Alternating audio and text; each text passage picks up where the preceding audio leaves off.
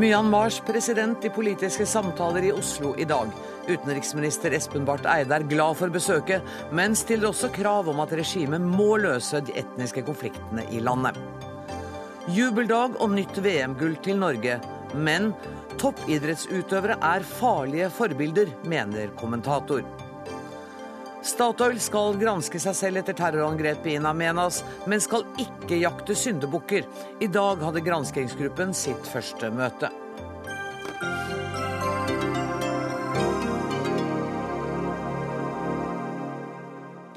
Inn i studio kommer utenriksminister Espen Barth Eide, ambassadør Katja Norgård og leder av Burma-komiteen Audun Ågre. Og vi skal snakke om Myanmar og presidentbesøket, men utenriksminister, jeg er nødt til først å spørre deg om den saken som nå preger alle nettavisene og alle nyhetsbyråene, nemlig meldingen om at Taliban-utsendinger har besøkt Oslo, hvor norske diplomater formidlet et tilbud til dem om maktdeling fra president Hamid Karzai. Hva er din kommentar til denne saken? Det er at det har jeg ingen kommentar til. Er det noen grunn til at jeg bør fortsette å spørre i håp om at du forandrer mening? Nei, det er det strengt tatt ikke, Anne Grosvold. Da går vi videre, og så snakker vi om uh, det vi skal, uh, har lovet at vi skal snakke om, nemlig uh, Myanmar. For mannen som blir omtalt som Myanmars Gorbatsjov, er på besøk i Norge. Og selv om president Tein Sein, er det sånn det uttales egentlig? Ja, Takk. Uh, han har gjennomført viktige reformer i denne gryende demokratiseringsprosessen. Så har befolkningen ikke glemt menneskerettighetsbruddene den tidligere toppgeneralen var ansvarlig for.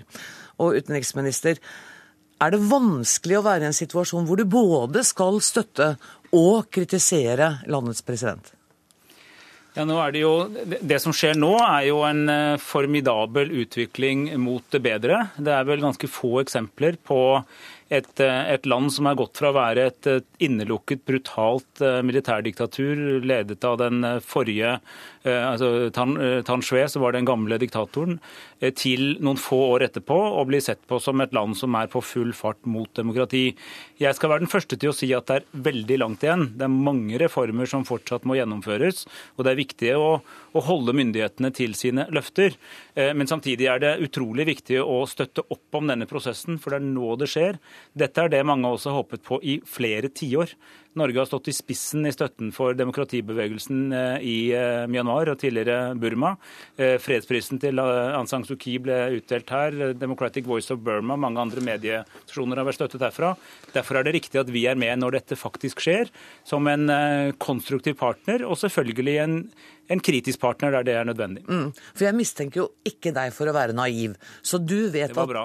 Ja. så du, mener, du, er fullstendig klar over uh, de bevæpnede grupperingene, de etniske uh, skillelinjene, undertrykkelsen, de religiøse motsetningene.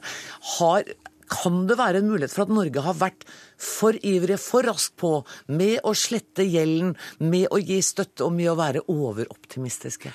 Jeg oppfatter ikke at vi er overoptimistiske. Vi oppfattet snarere i 2011 at dette var en reell vilje fra et miljø innenfor de da, da helt nye regjeringen, eh, som var splittet mellom konservative krefter og mer reformvennlige krefter, og at det var mulig å gå inn og støtte opp om reformsiden av den regjeringen som erstattet den gamle militærjuntaen. Og som vi vet, der er det folk som både har vært i uniform og som ikke har vært i uniform. Men det har altså sprunget ut av det gamle systemet, men med mer reformvennlige krefter.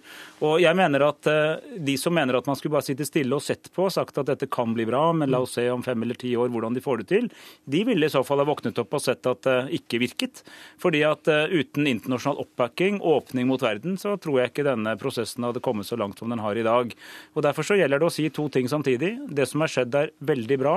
Men det er veldig langt igjen, og vi skal være med på denne veien i det lange løp. Ikke bare, dette er ikke bare et kortvarig blaff. Hva tror du presidentens ærend har vært med å velge Norge som første land i Europa han besøker? Jeg kan jo referere til det han sa til meg. Jeg var den første som da møtte ham i dag. Og, vi, og, han sa at han valgte bevisst å komme til Norge først, fordi Norge både har denne lange historien med å støtte opp om eh, demokrati i, i, Myanmar, men også fordi at vi var blant de første i Vesten som så at nå var det reelle endringer. Vi støttet opp om det. Vi argumenterte internasjonalt i FN, vi argumenterte opp mot EU og mot USA om at det var riktig å slette å stoppe sanksjonene, f.eks. Avvikle de sanksjonene som var innført. Og vi har også arbeidet med denne gjeldsletten, ikke minst sammen med Japan, hvor Japan og Norge har gått i front foran en del andre, men mange følger etter. Og de standpunktene vi hadde allerede i 2011, de har jo alle land nå. Mm. Da lå vi veldig i front. Nå ligger vi noe i front. og Det er jo rett og slett fordi at vi kanskje hadde et poeng, og de andre har fulgt etter oss fronten er blitt breiere, som man sa på 70-tallet. Nei, det var en avsporing. Eh, Katja Norgård, du er eh, Norges ambassadør bl.a. til eh, Myanmar. Hvordan ser utviklingen ut fra diplomatens ståsted?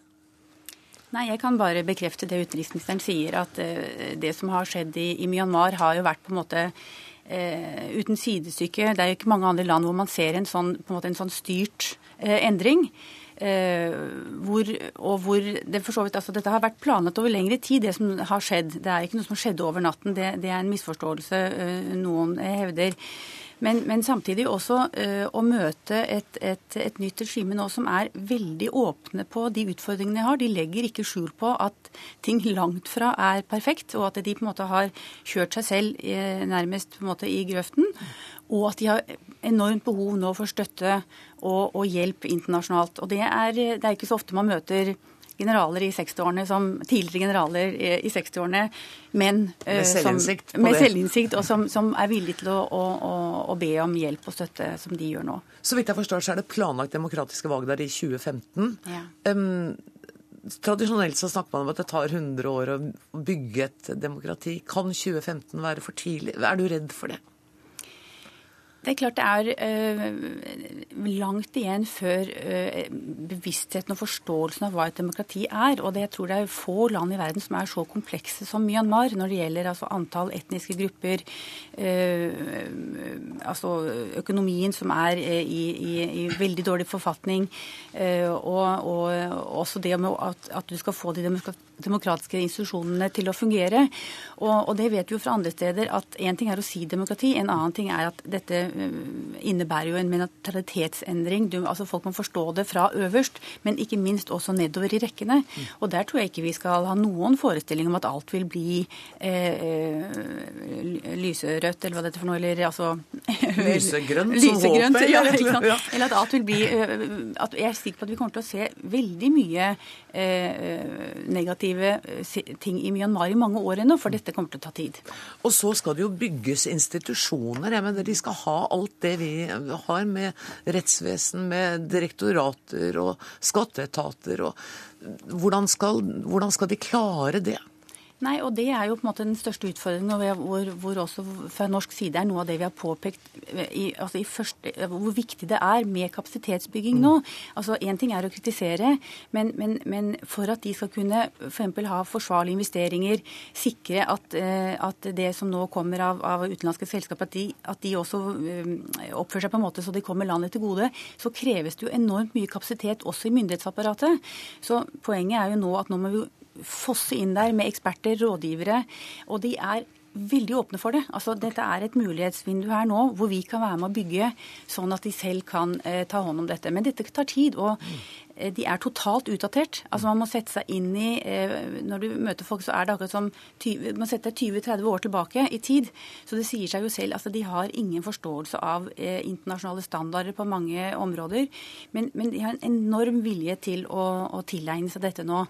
Eh, men, det, men som du sier, det, dette kommer til å ta tid. Det er optimisme både fra utenriksministeren og fra ambassadøren. Eh, Audun Ågre, du er daglig leder av det som heter Burma-komiteen. Har dere forresten tenkt å bytte navn, dere òg? det kan nok bli aktuelt på sikt. Altså, ja, for det er, det, er at... er, det er ikke lenger noe politisk poeng ved å hete Burma nå, eller? Nei, altså Poenget er at vi har 20 års erfaring med å støtte organisasjoner eh, i, i Burma mm. Eh, som, eh, som, jobber for demokrati og menneskerettigheter. Um, og Personlig bruker jeg Myanmar når jeg snakker med myndighetspersoner, og jeg bruker Burma når jeg snakker med personer som, hvor det er viktig. Altså for, Vårt utgangspunkt er at, at, navnet ikke er det viktige, men hva vi gjør på bakken. Nå hører du optimismen her, nå til saken. Det var en liten avsporing, det der. Er du også begynt å bli forsiktig optimist etter å ha deltatt i denne regimekritiske organisasjonen så lenge? Vi ser optimistisk og positivt på utviklingen som har skjedd. Selvfølgelig gjør vi det. Dette er en historisk utvikling som har skjedd de to siste årene. Som har kommet raskere enn noen kunne forutse på, på forhånd. Ehm, det er også en misforståelse å tro at dette kommer fra tegn sein personlig. Dette er en, ehm, en strukturell, eh, villet endring som har røtter tilbake til 90-tallet. Ehm, og man kan si at det er Villet av hvem da? Av myndighetene selv. Altså Man startet en, en eh, grunnlovsforberedende forsamling på 90-tallet for å på en måte eh, legitimere at man ikke overlot makten til Aung San Suu Kyi og hennes parti. Så skjøt dette fart på 2000-tallet, hvor man hadde syv skritt mot et disiplinert demokrati. Og det det vi har sett nå, er jo en, en fyllestgjøring av den planen som har gått over all forventning.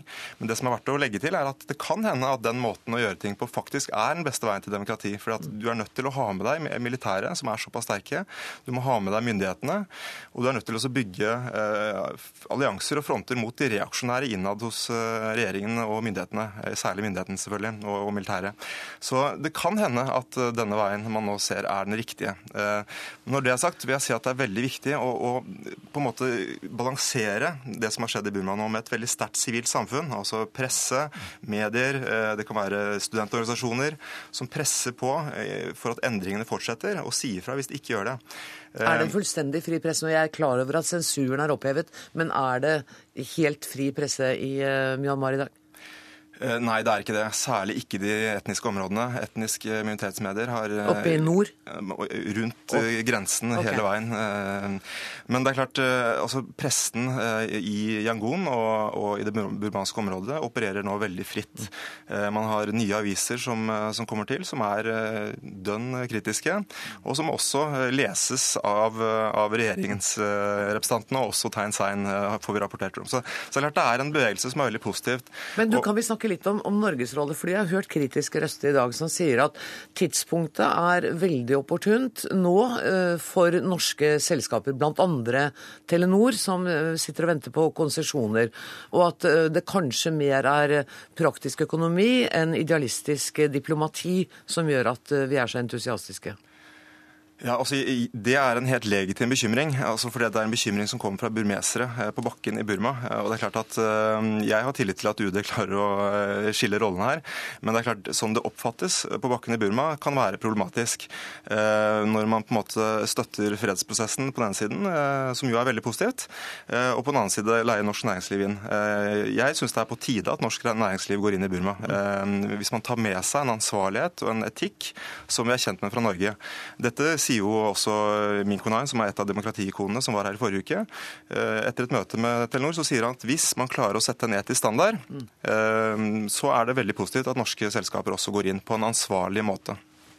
Utenriksminister, der var ballen over på din ja, ja, Jeg vil først si at jeg er veldig enig i det Audun Ågre sier. Jeg har lyst til å bruke anledningen til å de å gi litt honnør til eh, Burma-komiteens eh, mangeårige innsats, for de har jo bidratt til at eh, vi har holdt dette høye fokuset på det som har skjedd i, i, i landet. Og jeg er veldig opptatt av at hvis Myanmar nå skal komme seg ut av fattigdommen, så må de jo komme ut av fattigdommen sånn som vi gjorde for 100 år siden, som alle andre land gjør ved å handle med andre land. Så det er viktig at man nå fjerner sanksjonene, og grunnen til det er at man skal kunne begynne å handle. Så er det veldig viktig at vi er i stand til å skille mellom den støtten vi gir som myndigheter, bl.a. til institusjonsbygging, til regler, lovgivning, og den frie konkurransen som eh, private selskaper, også norske selskaper, skal inngå i. Det tror jeg vi er i stand til, det har vi erfaring for. Og jeg tror at så lenge, som Ågre sier, så lenge man tar med seg et, eh, eh, gode norske instinkter på bedrifters samfunnsansvar, så tror jeg at norske bedrifter vil være en positivt bidrag til Myanmars videre utvikling. Og om de samtidig tjener penger, så syns jeg ikke det er noen grunn til å være lei seg for det. Ambassadør, jeg må spørre deg, hvordan, hvordan er situasjonen med korrupsjon i Myanmar i dag? Den er klart eh, utfordrende, mm. absolutt. Mm. Som den også er i landene i regionen rundt. I mange deler av eh, Asia. Men, men har, har norske næringsliv muligheter til å påvirke den utviklingen i en positiv retning, tror du? Det tror jeg absolutt. Og som utenriksministeren sier, så tror jeg at norske selskaper, ikke minst de store som blir fulgt med argusøyn her hjemmefra, vil være et positivt eh, eh, bidrag inn og, og et, et, eh, kanskje et alternativ til en del av de selskapene som har vært der nå under, i den tiden hvor ikke-vestlige selskaper kunne investere der. Mm. Men, men ja. Mm.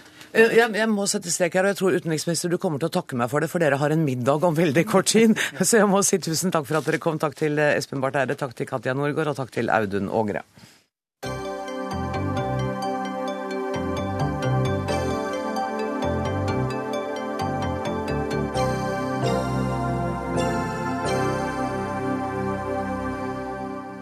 Så ble det norsk gull igjen i dag. Therese Johaug gråt av glede, og heiaropene runget Norge rundt. Men ikke alle er like glad. For toppidrettsutøverne er dårlige forbilder. Og nesten alt er galt med sporten. Det skrev du i Nasjonen, kommentator Cato Nyquist. Ja. Er du litt gledesdreper nå midt under VM? Ja, jeg er nok kanskje det. Uff da. Men uh, jeg, tenker at uh, det er verdt å, å, å, reflektere litt over det. Uh, toppidrettsutøvere hauses opp som store helter og forbilder for den oppvoksende slekt. Men de representerer en idrettskultur som er gjennomsyra av juks, bedrag og dårlige holdninger. Vær litt mer presis. Ja, Hvis vi skal starte med jukset, da, så, ja.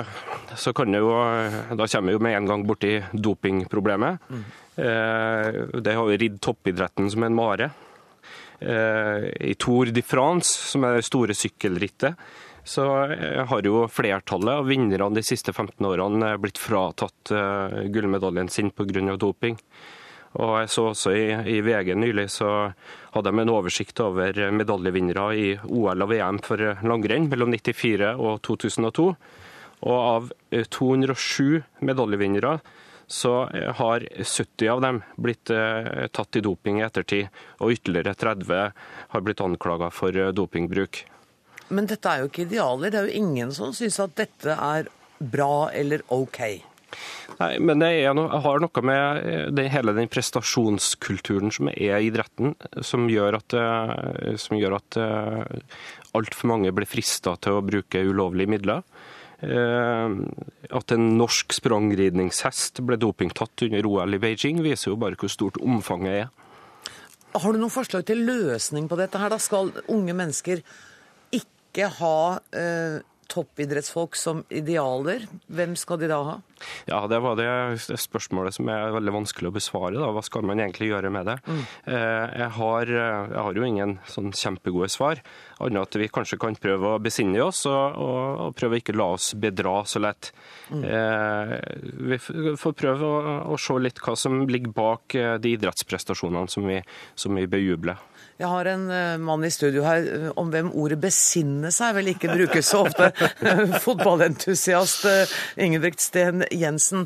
Du reagerte ganske mye på denne kronikken. Ja, altså jeg syns ikke kronikken er teit eller meningsløs eller noe sånt. Den, den setter jo for så vidt søkelys på ting som vi veldig godt vet, og som vi har diskutert mange ganger både doping, og at det er mye penger i idretten, og at det kanskje er spiseforstyrrelser, og at det blir tøft konkurransepress. Alt det er jo helt sant. Og ingen bestrider det, som du selv sa. Eh, men det man, jeg opplever at blir glemt, det er jo de, på de, de områdene hvor idrettsstjernene våre virkelig kan være forbilder. Og det aller viktigste er jo i forhold til fysisk aktivitet det er i ferd med å bli et av de største nasjonale helseproblemene vi har. At vi, befolkningen blir mer og mer inaktiv. Norske 15-åringer Grosvold, er mer inaktive enn norske 80-åringer. Vi trenger helter, idoler og idealer som kan inspirere, ungdom til å komme seg ut, trene, bevege seg, spise sunt og leve rimelig sunt. Eh, og så skal ikke alle bli toppidrettsutøvere og tjene masse penger og, og dope seg. Men, men hun som vant i dag, Therese Johaug, hun er et fantastisk ideal for unge norske jenter på alle mulige måter, mener jeg. Det er du enig i, Cato Nyquist? Ja, du også. Når uh, Therese Johaug vant gull i dag, så ble også jeg berørt. Det er jo Eh, det er jo jenter som framstår som ei sunn norsk bygdejente. Mm. Men eh, også bak Therese Uhaug så, så, står det et eh, digert apparat som har gjort skismurning til en vitenskap. Som Det ruller en semitrailer inn på stadion for å smøre ski til. Ja. Og, og, og da, da, snakker man ikke om konkurranse på like vilkår lenger. Så eh, jeg skal ikke frata Johaug æren eh, hun oppnådde i dag, men, eh, men, det er jo verdt å tenke over det store sirkuset som, men, som er satt i sving. Det viktigste med Therese Johaug er jo ikke egentlig nesten gullet eller hvor stor den smøretraileren er. Det viktigste hun kan bidra med, er jo å stimulere andre norske jenter og gutter til å komme seg opp av sofaen, legge fra seg dataspillet, kaste potetgullposene, gå ut, være aktive, trene, kjenne gleden ved å konkurrere, være sammen med lagkamerater, vinne og tape. Det er bra. Men tror du det er det 15-åringene som sitter og spiser potetgull, sitter i sofaen og tenker? Nei, de At tenker nå skal jeg jammen ut og slite litt i løypa, sånn som Therese Nei, det, det, nei, men i den grad idrettsstjerner er idealer, da. Uh, og det er de jo. De er jo idoler for mange. Så er det klart at, uh, at Petter Northug og Therese Johaug og Jon Arne Riise og, og Eh, Alexander Dale Oen har vært idoler for ungdom og stimulert aktivitet. Det er jeg 100% sikker på. Og det er lov å juble for dem. Og samtidig ha den andre tanken i hodet som kronikøren fra Nasjonen har, nemlig at uh, idretten har mange mørkesider også. Men man er nødt til å se begge. Det kan ikke være ensidig, uh, et ensidig slakt og en ensidig opplevelse at vi må for guds skyld stoppe ungene våre fra å begynne idrett, ja, så, så, alkoholen kan ta dem, liksom. Nei, det, det, er vel andre som har ment. Men det er, det er vanskelig å være uenig med Ingebrigt Stein Jensen i, i, det han sier. Men det er jo også et paradoks da, at man eh, benker seg ved, ved TV-en i helgen for å se på sport, i stedet for å gå ut på ski eh, sjøl. Og NRK jo, sender jo utrolig mye sport. Eh, så der har jo dere et ansvar også, Grosvold. Og jeg nekter å la den skyldfølelsen sige nedover meg. Jeg bare sier tusen takk for at dere ville snakke om et så viktig tema. Takk til Cato Nyquist, og takk til Ingebrigt Sten Jensen.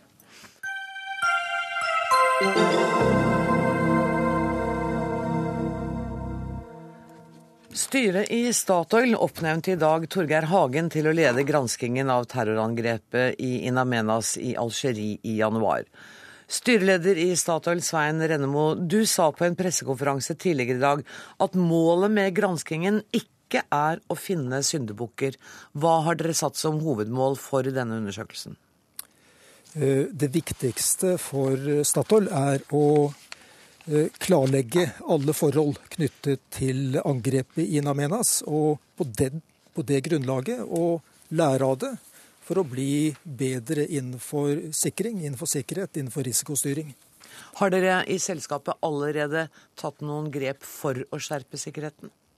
Eh, det er en endringsprosess som eh, vi er opptatt av skal gå løpende. og Derfor er det jo også en del av Eh, granskingsgruppens mandat og flagge umiddelbart hvis de ser behov for forbedring av, eh, av sikring og, og, sikkerheten. Denne granskingsgruppen skal vel bl.a. arbeide i eh, Algerie. Hvordan er samarbeidet med myndighetene der? Eh, samarbeidet med myndighetene har jo vært bra så langt, men det er klart at nå går vi inn i en ny fase. Granskingsgruppen skal eh, legge en plan, og en del av den planen må utvilsomt være å også besøke Algerie og besøke anlegget. Så det får vi komme tilbake til når det gjelder detaljer. Dere har også sagt at uh, granskingsgruppen skal være uavhengig, og likevel så er uh, tre av medlemmene vel ansatte i Statoil. hvordan har dere vurdert sammensetningen av gruppen? Ja, Når vi sier at dette er en uavhengig gransking, så legger vi for det første vekt på at uh, granskingen er eksternt ledet. Mm. Uh, for det andre at det er tungt innslag av uh, ekstern kompetanse i gruppen. Og for det tredje at de fra Statoils side som deltar i dette granskingsarbeidet, de er en del av internrevisjonen som har en direkte rapporteringslinje til styret, mm. uavhengig av linjeorganisasjonen. Nettopp. På pressekonferansen tidligere i dag så understreket du at det er ikke terrorister som skal få bestemme hva slags selskap Statoil skal være. Kan du si litt mer om hva dere tenker om det? For jeg går ut fra at du her tenker på at dere skal ikke la dere styre av frykten. Jeg, tror dette er ganske parallelt med våre egne reaksjoner i Norge etter 22.07. Mm. Eh, på den ene side skal vi lære, og som selskap så skal Statoil bli bedre i å styre sikring og, og, og, og sikkerhet. Og Samtidig så skal vi fortsatt være et internasjonalt og globalt engasjert selskap. Og Det er dette som, som ligger i at vi ikke skal la oss styre, som jeg sier.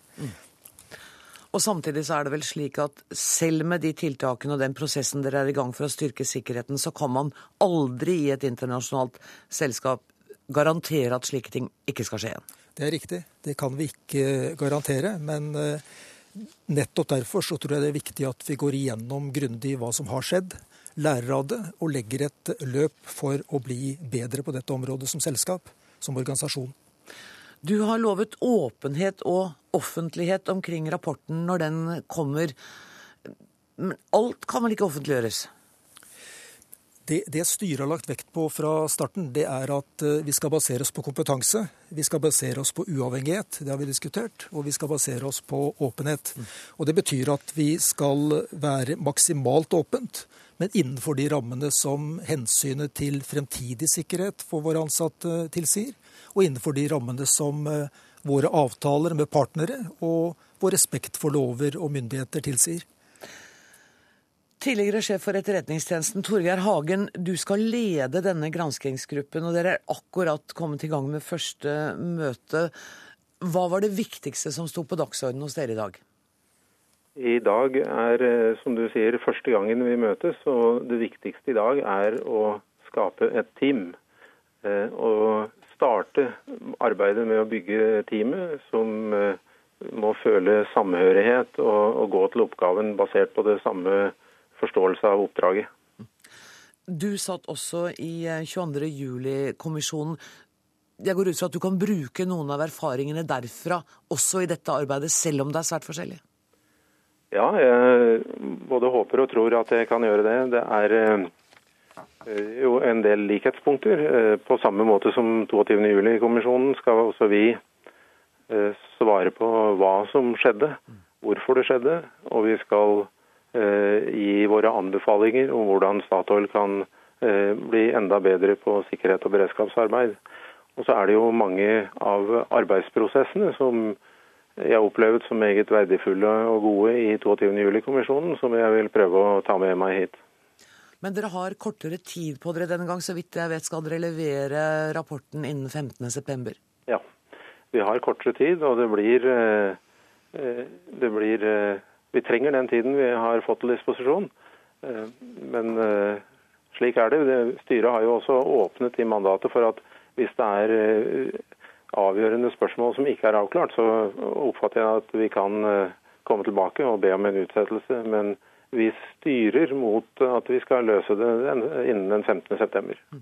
Eh, du sa også at dere skal finne ut hva som skjedde, avdekke hva som faktisk foregikk. Tror du at dere klarer å finne hele sannheten om dette? Nei, det kan jeg ikke garantere. og Her er det eh, en litt annen situasjon enn vi hadde i 22.07-kommisjonen. Vi opererer på et annet eh, lands territorium. og Det vi kan gjøre, er å gå eh, så godt inn i det som vi kan. Eh, oppsøke alle som vi tror kan belyse eh, hva som skjedde. Og så får vi se hva slags svar vi får. Men vi er beredt på at det vil by på en del utfordringer. Jeg ønsker deg lykke til med arbeidet og sier tusen takk til Torgeir Hagen, som leder granskingsgruppen, og takk også til Svein Rennemo, som er styreleder i Statoil.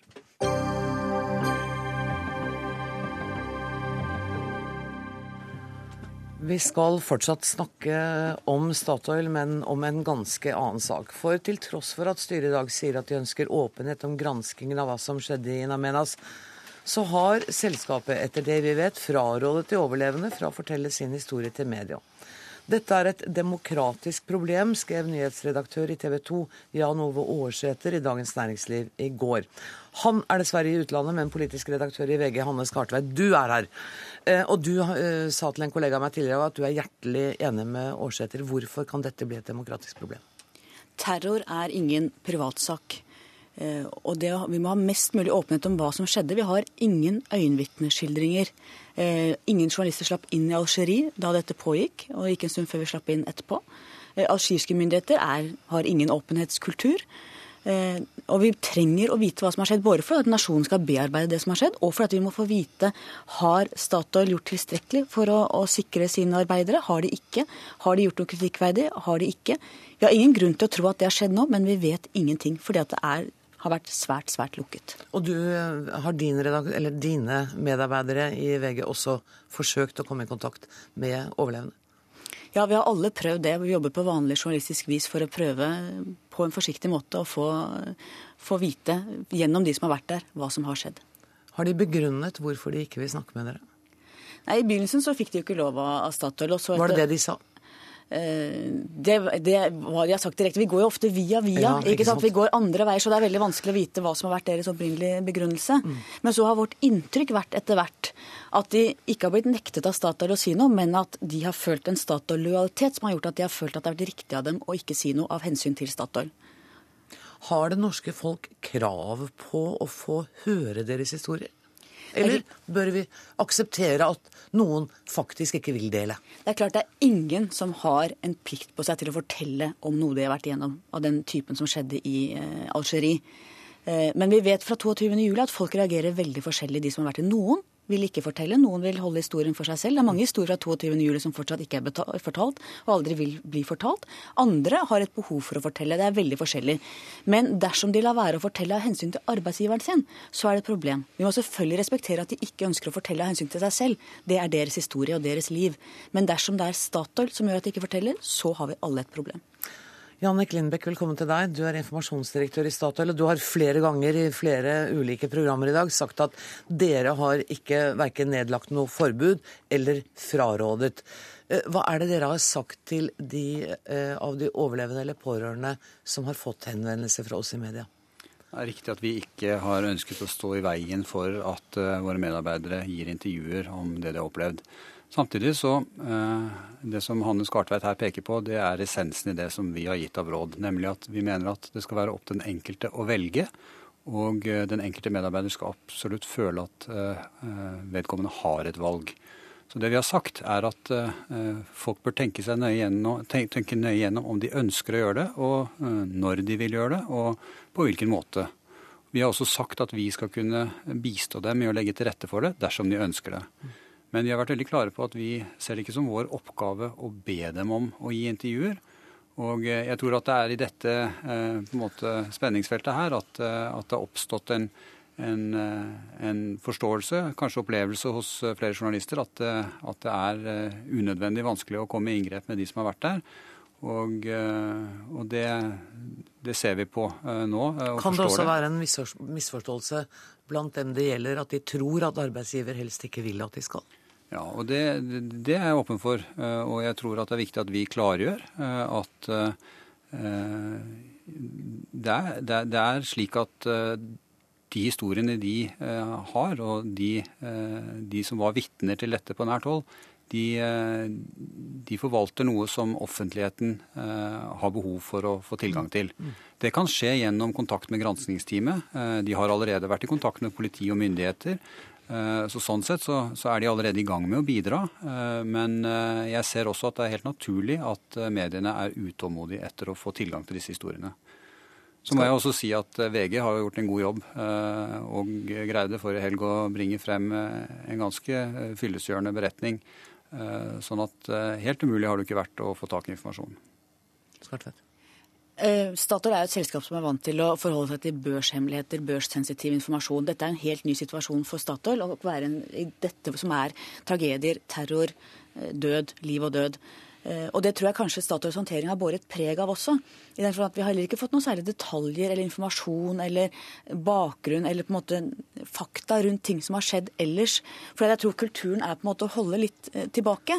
Så at våre folk har nok opplevd det har vært vanskelig å jobbe opp mot Statoil og få også relativt uskyldig informasjon om hva som har skjedd. Mm. Og det tror jeg har sammenheng med at det er en organisasjon som kanskje opererer på helt andre arenaer enn denne vanligvis. Hvis man skal unnskylde dem på noen måte. Ja, og, og dere har måttet arbeide på, på samme måte som andre redaksjoner. altså gå til uh, utenlandske kilder som var til stede. ikke sant? Tyrkere, rumenere, ja. alle de andre. Mens det har vært få norske kilder. Det er jo riktig. Limek. Ja, eh, Det som har vært veldig førende for vår eh, tilnærming til dette helt fra dag én, har vært at vi skal ikke gå ut med informasjon som vi ikke har grunnlag for å uh, ha på en måte sjekket fakta ved. Uh, så vi har hatt på en måte uh, Første oppgave er å sjekke om det vi har av informasjon faktisk er bekreftet. og det neste er da å formidle dette til de pårørende, før vi deretter har formidlet det til andre og offentligheten. Og Sånn har vi opptrådt hele veien, og vi har ikke sett det som vår oppgave, eh, og vi har heller ikke forutsetninger for det, å bekrefte eller avkrefte eh, de kilder og eh, den informasjonen som mediene har frembrakt. Vi har vært i kontakt med VG og mange andre som har ønsket å få vår vurdering av, type, av deres kildemateriale.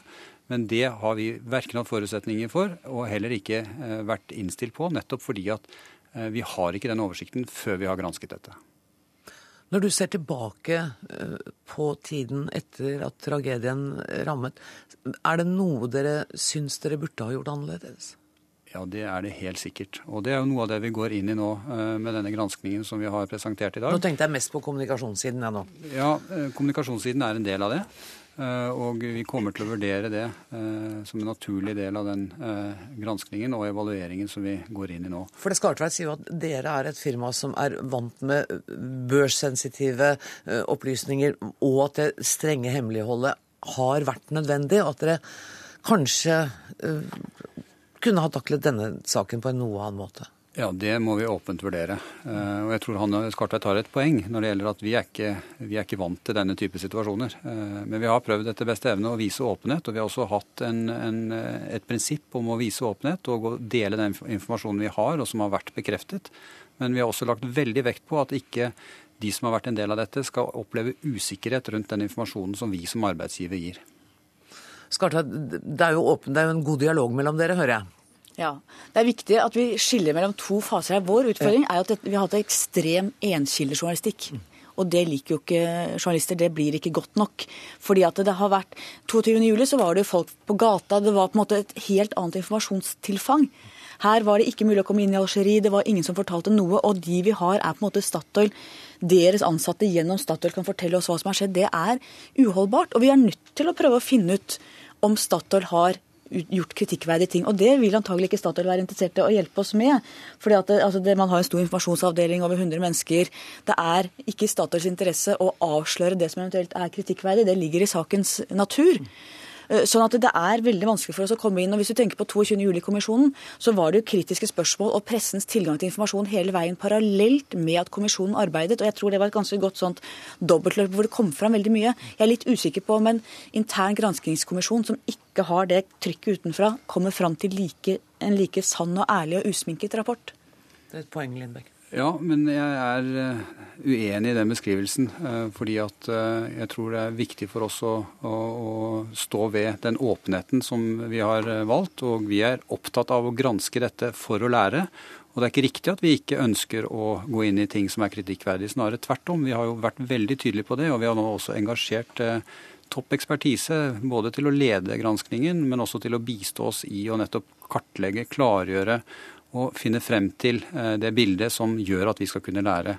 Så vi er, vi, vi er, helt åpne for eh, at det vil komme kritikk, også fra eh, den type journalistikk som kommer ut av kontakt med våre medarbeidere. Jeg vil gjerne at dere blir sittende, men jeg skal snakke litt med Tom Brunsell. Velkommen hit. Etter 22.07 var du en av dem som delte historien med det norske folk. Du var i regjeringskvartalet, hvor du arbeider i Justisdepartementet som avdelingsdirektør. Eh, måtte krabbe ut av høyblokka sammen med en kollega. Noen av oss, eller mange av oss, de fleste av oss husker bildene. Eh, det var ikke mer enn et par dager etterpå, tror jeg, at jeg så deg på fjernsyn.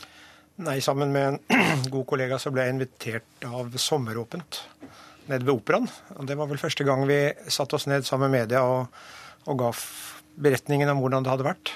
Da var det to døgn gammelt. Eh, og det syns jeg var helt greit. Eh, og la meg si det sånn, vi fikk aldri noen eh, begrensninger fra vår arbeidsgiver. Snakket du med arbeidsgiver om den problemstillingen? Ja, jeg forteller alltid arbeidsgiver når det er mediehenvendelser. Og vi fikk bare en helt klar go fra Justisdepartementets ledelse at den som ønsker å snakke med media, må bare gjøre det. Vi fikk aldri noen begrensninger. Vi fikk eh, aldri noen direkte oppfordringer. Men altså, de åpnet døren helt for oss og lot den enkelte bestemme selv. Var det noen reaksjoner fra din arbeidsgiver etter det første intervjuet? Ja, jeg fikk veldig positiv eh, både fra infoavdelingen og fra politikere som jeg traff, som klappet meg på skulderen og sa at det var fint. Mm. Dette syns vi var en god opplevelse å se. Og det opplevde jeg som en tillitserklæring. At min arbeidsgiver kom og klappet meg på skulderen og sa at dette var fint, Tom. Mm. Det ga en ekstra liten sånn tilhørighet til arbeidsgiver, faktisk.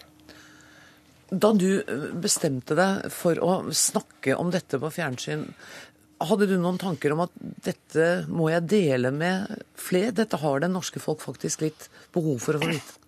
Ja, jeg må innrømme at jeg tenkte på at det vi jeg sier vi, da, vi var jo flere om dette, kan fortelle om hvordan det var helt på innsiden, eh, vil kunne gi et mer sånn fullstendig bilde av hva bomben i regjeringskvartalet egentlig var for noe. Ikke det at man hadde noe spesielt ønske om å fremstå i første linje, men, men, det var vel ingen andre enn vi som hadde opplevd det, som kunne fortelle hvordan det var å, å være midt oppi det. Har det betydd noe for deg personlig, det at du delte det?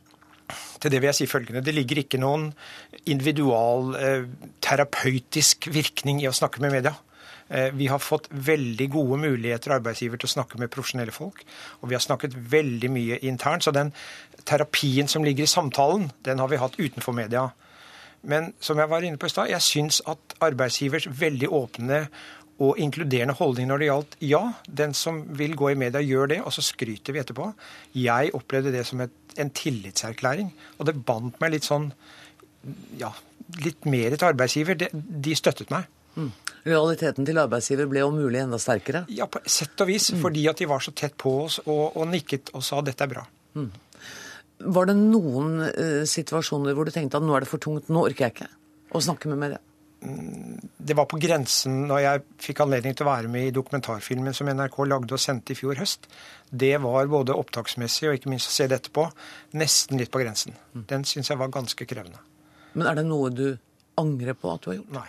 Jeg vil si at norske media har så å si 100% opptrådt på en veldig høflig og skikkelig måte overfor alle oss. Eh, og det har ikke vært noen belastning og ikke vært noe press fra media. Det har vært bare helt OK opplevelser. Tusen takk for at du eh, fortalte også dette til eh, våre lyttere i Dagsnytt 18, Tom Brunsell. Takk også til Hanne Skartveit og til Jannek Lindbekk.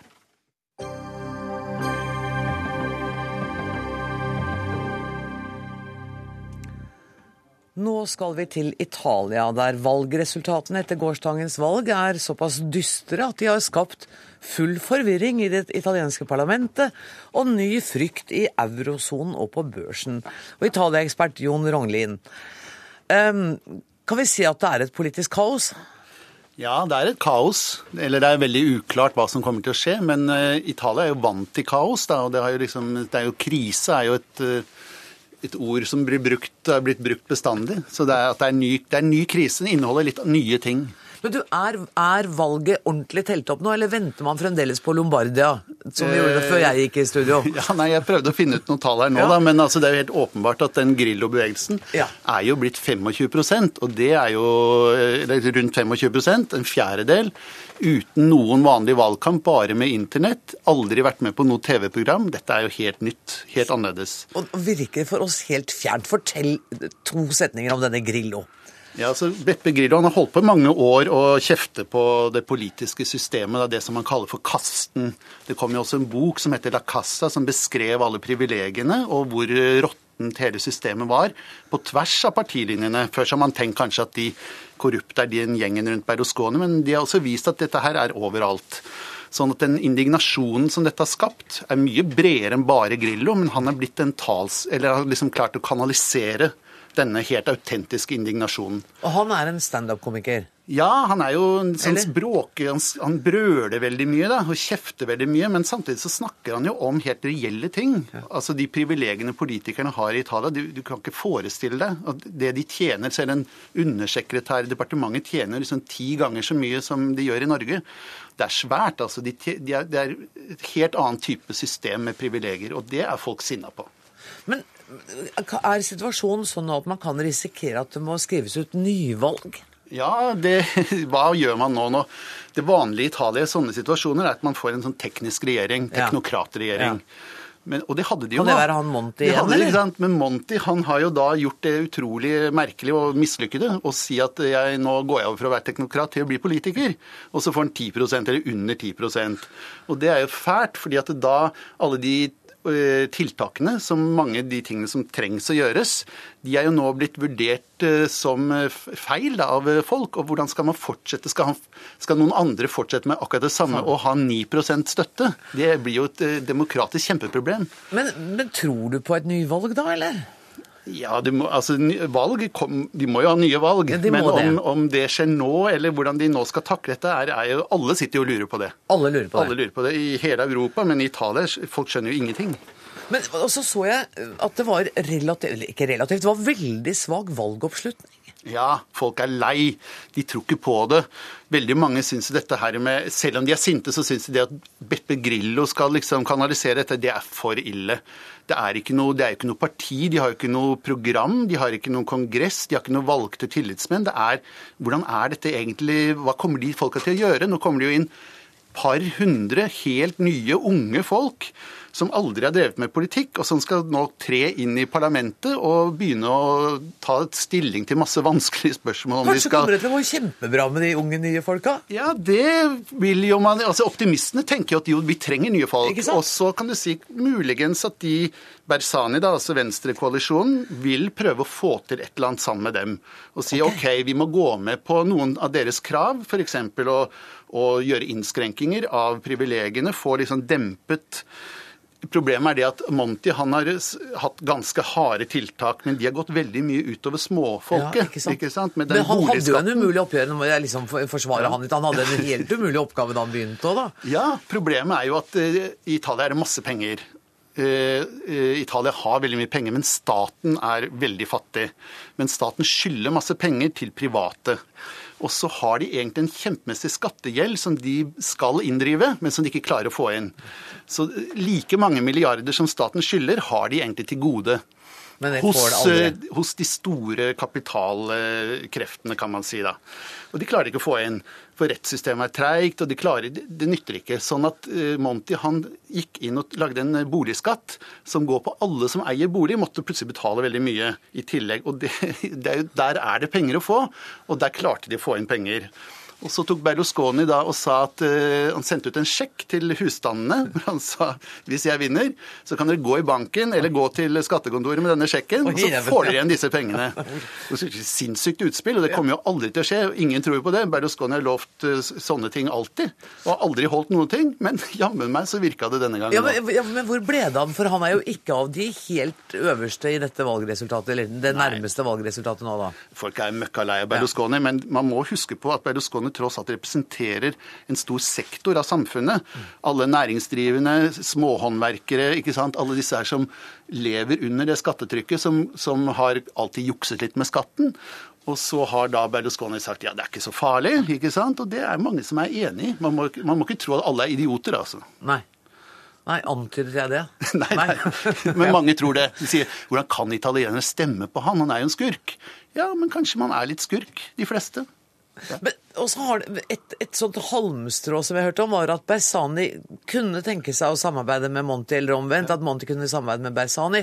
Altså Ja, ekskommunisten med teknokraten. Ja, så er det ikke nok allikevel. De, de er ikke 50 vet du.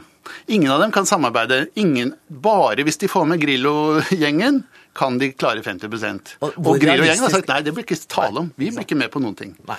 Sånn at dette her er jo Det er deadlock, ikke sant. Og børsene uh, skjelver i sine velpressede bukser ja. uh, over det som har skjedd nå. Ja. Kommer Italias økonomi til å bli ytterligere forverret som et resultat av dette?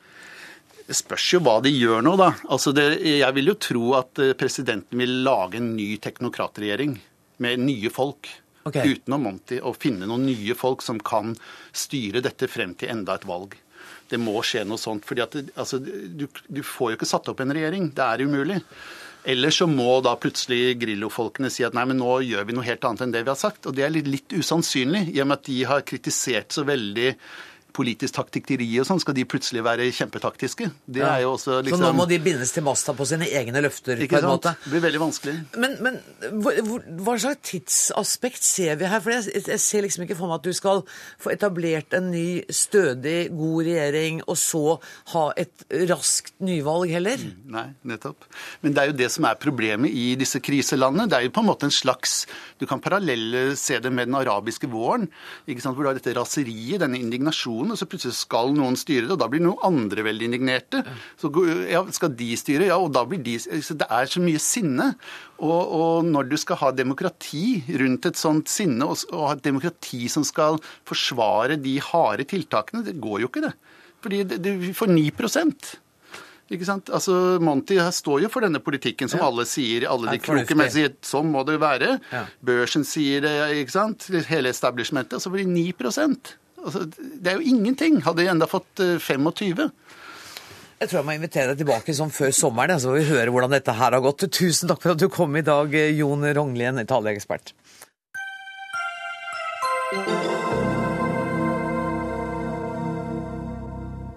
Inn i studio kommer mannen som nå sikkert er utrolig glad for at han verken stiller til valg eller har som mål å skrive ny grunnlov for Italia. Ja, det er jeg veldig glad for. Men eh, jeg blir jo eh, inspirert av til at en standup-komiker kan få eh, en fjerdedel av stemmene i et valg. Sa Are Kalve. Eh, er ikke sikker på at du egentlig har lyst. Nei, jeg har ikke det. Jeg er helt sikker på at jeg At du ikke har lyst, ja. Um, For saken er at hvis du har satt deg som mål å skrive en ny grunnlov, og det har jo du, Are Kalve, gjort, så er det lurt å begynne med begynnelsen. Altså første paragraf. Ja. Har det gått fint, syns du? Det er gått opp og ned, men eh, stort sett så har det gått veldig fint. Eh, eh, det å lage grunnlov, det tar jo sin tid, har jeg Ja. funnet ut. For du må jo prøve å finne ut hva helst alt folket mener. Og det er jo et langt land, dette her, og mye folk å snakke med, så det, det tar tid. Men jeg vil si stort sett så har det gått fint. For det er ikke så vanskelig, egentlig. Det er ikke så vanskelig å, å snakke med folk, nei. Det, er, det har jeg gode erfaringer med, og folk er, er både hyggelige og greie og villige til å bidra. Det er nesten det som overrasker meg mest. Jeg innrømmer at jeg har altså ikke lest veldig grundig denne boka di som heter Ny grunnlov, men jeg hadde stor glede av Riksforsamlingen på TV i går. Og jeg må si det som virkelig forskrekket meg mest, var at du ble tatt på ordentlig alvor. Det ville jeg aldri ha. Det, det er, det er rart. Eller feil, på noen måte? Er det det du antyder? Vi tar neste spørsmål. Ja. Nei, det, det overrasker meg med eh, ganske mye, eh, faktisk. Fordi at det jeg gjør veldig mye av i den eh, TV-serien om, om grunnlovsarbeidet, er jo rett og slett at jeg spaserer bort til folk på gata eller på kjøpesenter eller hva nå enn folk er, og så stiller de et spørsmål om alt fra eh, monarki til ytringsfrihet. eh, Av og til på en litt tøysete måte, av og til bare rett fram. Og folk svarer, og folk svarer gjerne, og folk svarer fint, og folk svarer morsomt. I det hele tatt, folk, altså. Det er bra. Men, men hvordan er det altså um, Vilt fremmede folk på kjøpesentre, i fly. Du deler ut uh, pamfletter, brosjyrer. Du skal snakke og være blitt til vilt fremmede folk overalt. Hvor, hvor gøy var det? Det var stort sett eh, veldig, veldig artig, det. Som sagt så tok folk eh, imot meg overraskende bra. Og, Ja, men Terskelen var for å begynne å gjøre det. Ja, begynte, det var, var bare en gang jeg var alvorlig utenfor komfortsonen. Det var da eh, jeg var på jakt etter en kvinnelig nordnorsk jøde til det første programmet, for å være helt sikker på at vi ikke begikk like stygge feil som de gjorde i 1814. Da de skrev ei for så vidt grei grunnlov, men der allerede i paragraf to sto at det skulle være forbudt med jøder og munker og jesuitter i Norge.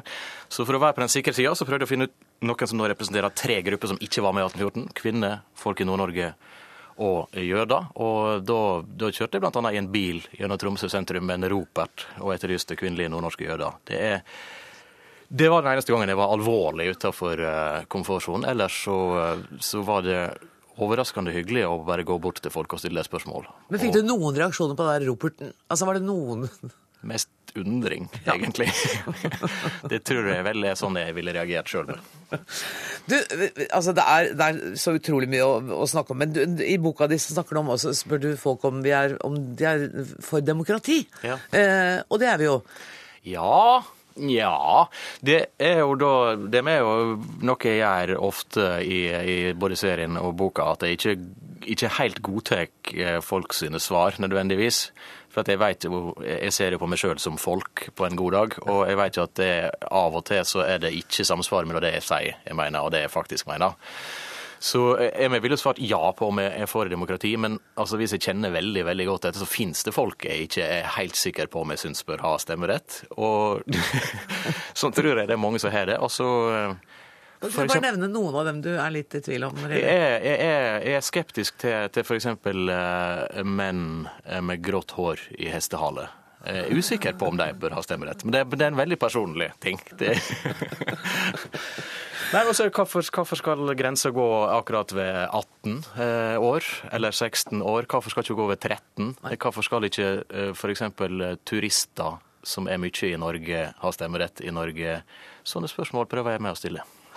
Og så stiller du, eh, syns jeg, da, helt sentrale spørsmål om, om monarkiet. Og, og, du fant vel ut at vi er for monarkiet, men ikke for at det skal gå i arv, eller noe i den retning? Jeg fant ut at folk nok ikke er fullt så uh, monarkielskende som du kan få inntrykk av. Uh, folk liker jo veldig godt den nåværende kongefamilien. Men det står jo i den gamle grunnlova at kongen er hellig og kan ikke lastes eller anklages. Det tror jeg nok ikke det er så veldig mange som egentlig mener. Nei. Så eh, jeg laga et nytt og bedre monarki, rett og slett. Men du gjorde det ikke ved at man skulle velge, du gjorde det vel mer ved at vi skulle Du skrev en stillingsannonse. Det rykte en stillingsannonse, Kan ikke ja. du bare lese den for meg? Skal det... du få boka av meg? For jeg likte den veldig godt. Oi, nå rev jeg i stykker boka di. Ja, det er skandale. Jeg sender regning etterpå.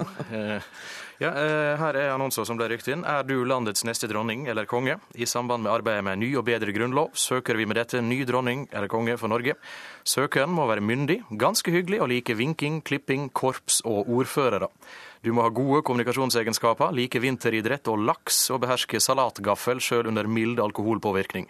Gode, gode manerer er en fordel, men ikke et must. Du bør ikke ha motforestillinger mot å gi navnet ditt til konfekt. Bolig sentralt i Oslo følger med, noe oppussing nødvendig.